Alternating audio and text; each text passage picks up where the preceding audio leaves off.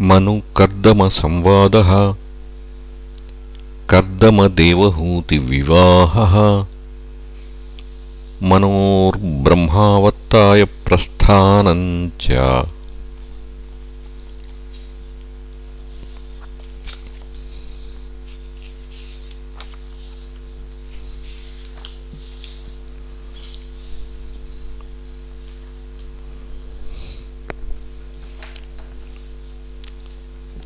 मैत्रेय उवाच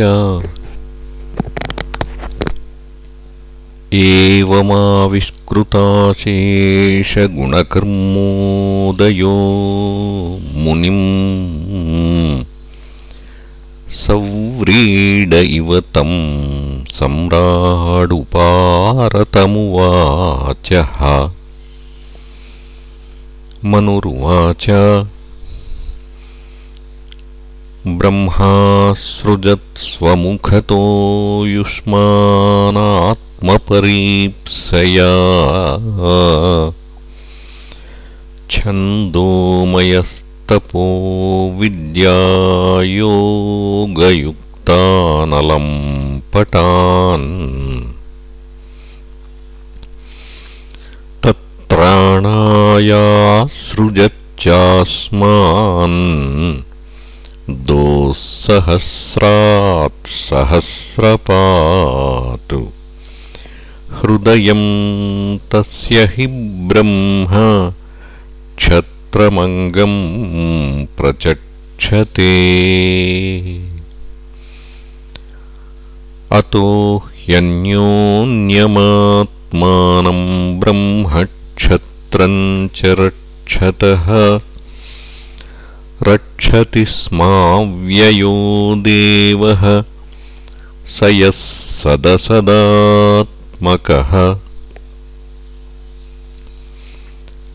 तव सन्दर्शनादेव छिन्ना मे सर्वसंशयाः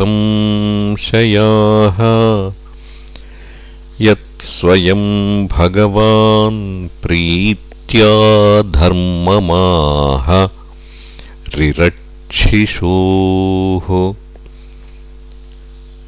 दिष्ट्या मे भगवान् दृष्टो दुर्दशो योकृतात्मनाम्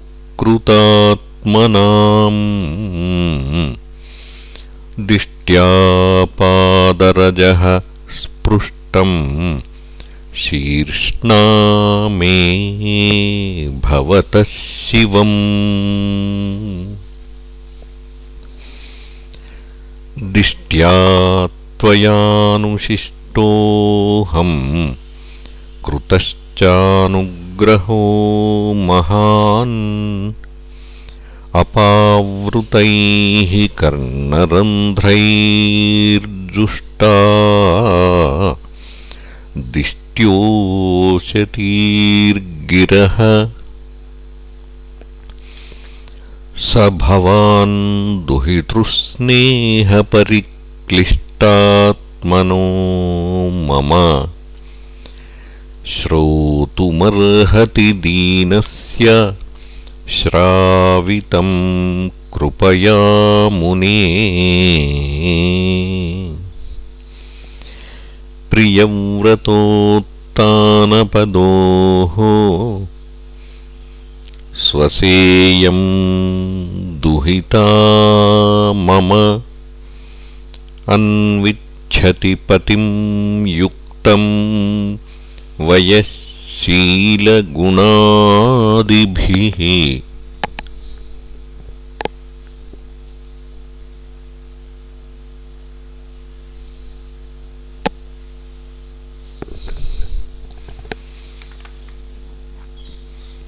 यदा तु भवतः शीलश्रुतरूपवयो गुणान् अशृणोन्नारदादेशा त्वय्यासीत्कृतनिश्चया। तत्प्रतीच्छ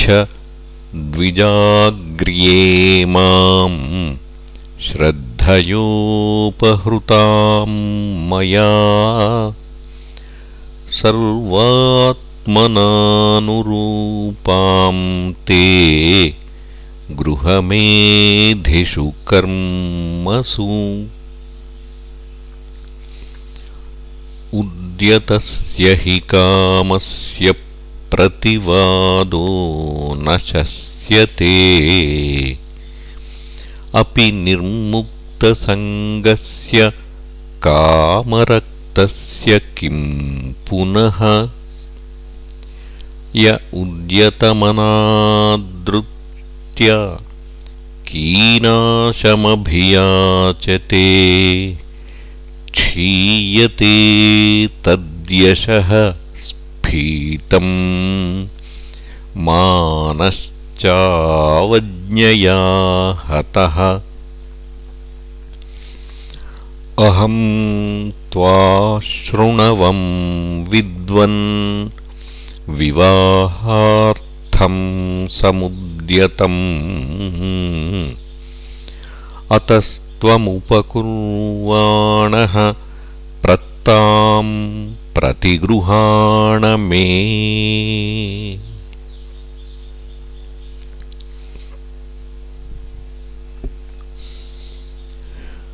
ऋषिरुवाच। बाढमुद्वोढुकामोऽहमप्रत्ता च तवात्मजा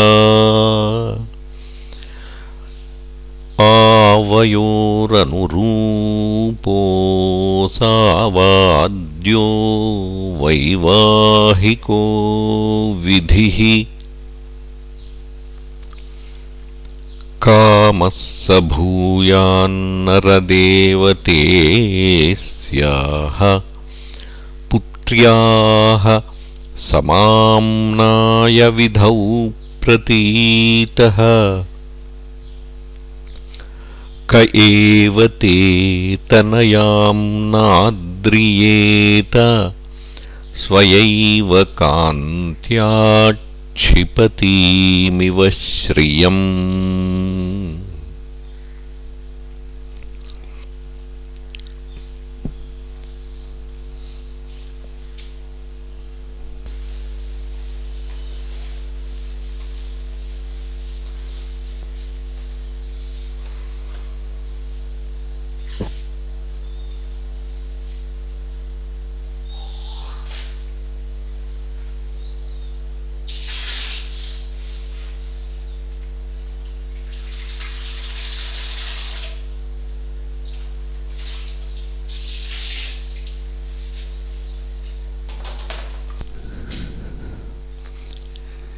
यां हर्म्यपृष्ठे क्वणदङ्घ्रिशोभां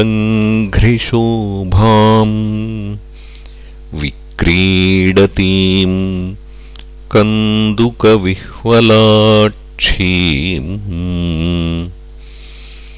विश्वावसुर्न्यपततु स्वाद्विमानात् विलो सम्मोहविमूढचेताः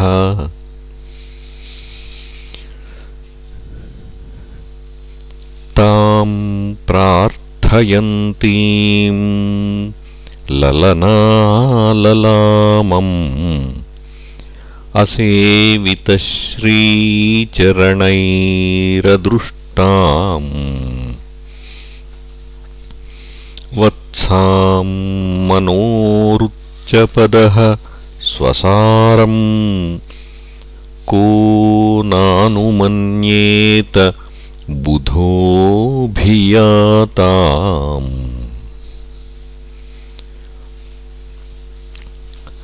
अतो भजिष्ये समयेन साध्वीम् यावत् तेजो बिभ्रूयादात्मनो मे। अतो धर्मान् पारमहंस्यमुख्यान् शुक्लप्रोक्तान् तान् बहुमन्ये विहिंस्रान्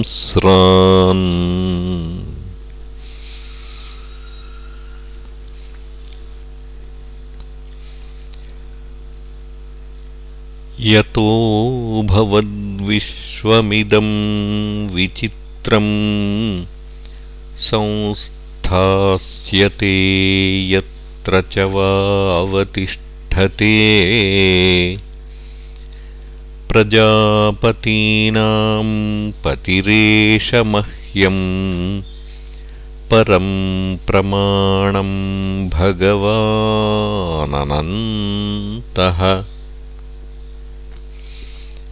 मैत्रेय उवाच। स उग्रधन्वन्नियदेवाबभाषे आसीच्च तूष्णीमरविन्दनाभम् धियोपगृह्णन् स्मितशोभितेन मुखेन चेतो लुलुभे देवहूत्याः। सोऽनुज्ञात्वा व्यवसितं महिष्या दुहितुः स्फुटम् तस्मै गुणगणाढ्याय ददौ तुल्यां प्रहर्षितः। शतरूपा महाराज्ञी पारिबर्हान् महाधनान्। दम्पत्योः पर्यदात्रीत्या भूषावासः परिच्छदान्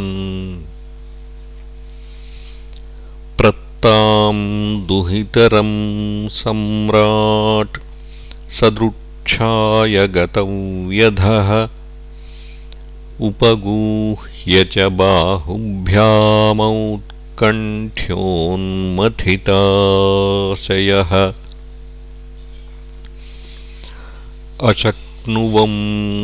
अशक्नुवंस्तद्विरहं मुञ्चन् बाष्पकलां मुहुः। आसिञ्चदम्बवत्सेति नेत्रोदैर्दुहितुः शिखाः।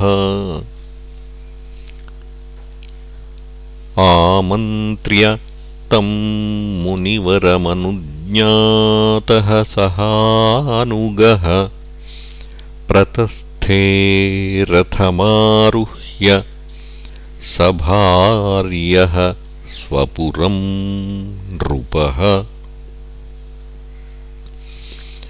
उभयोः ऋषिकुल्यायाः सरस्वत्याः सुरोधसोः ऋषीणामुपशान्तानाम् पश्यन्नाश्रमसम्पदः।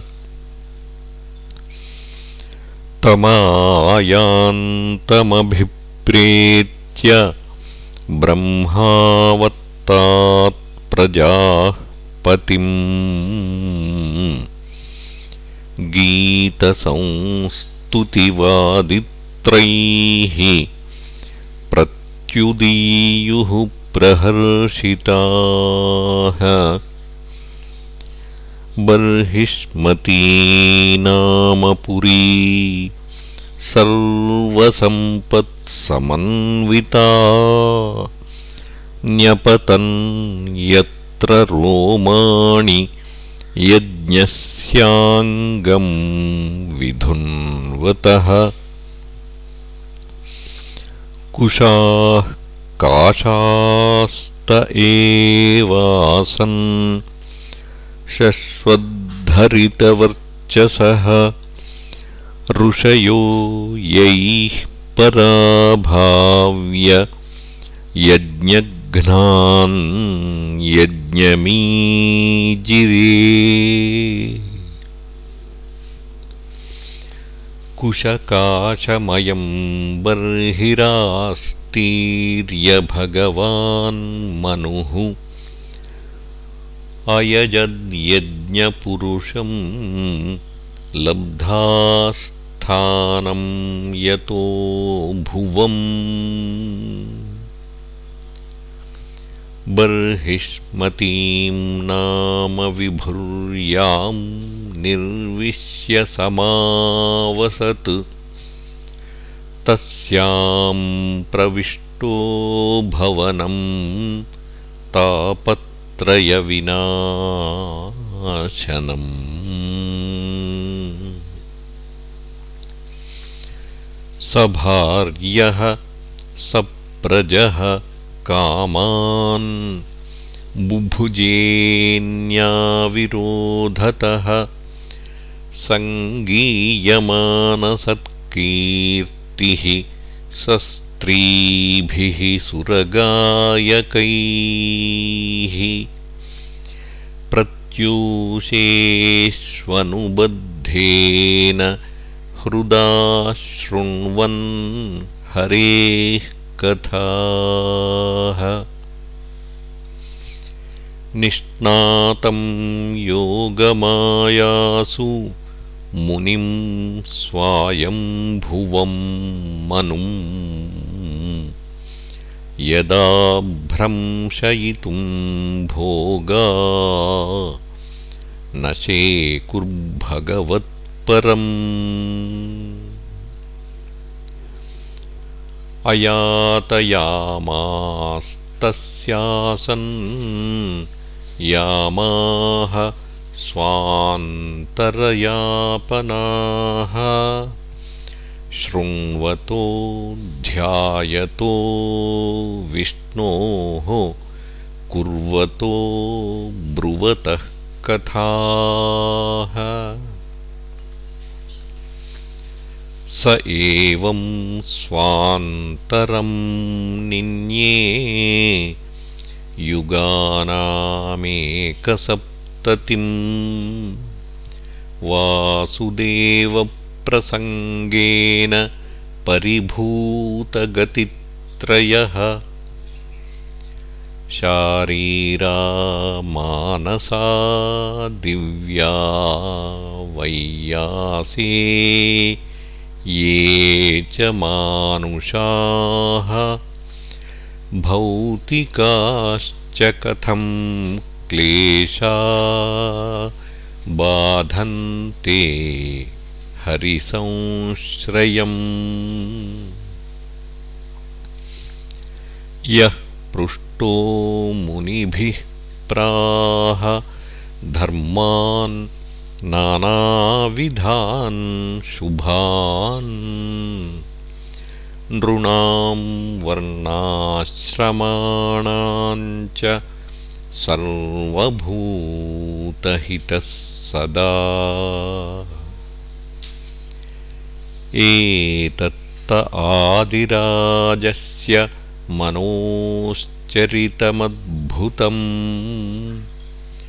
वर्णितं वर्णनीयस्य तदपत्योदयं शृणु। इति श्रीमद्भागवते महापुराणे पारमहंस्यां संहितायां तृतीयस्कन्धे द्वाविंशोऽध्यायः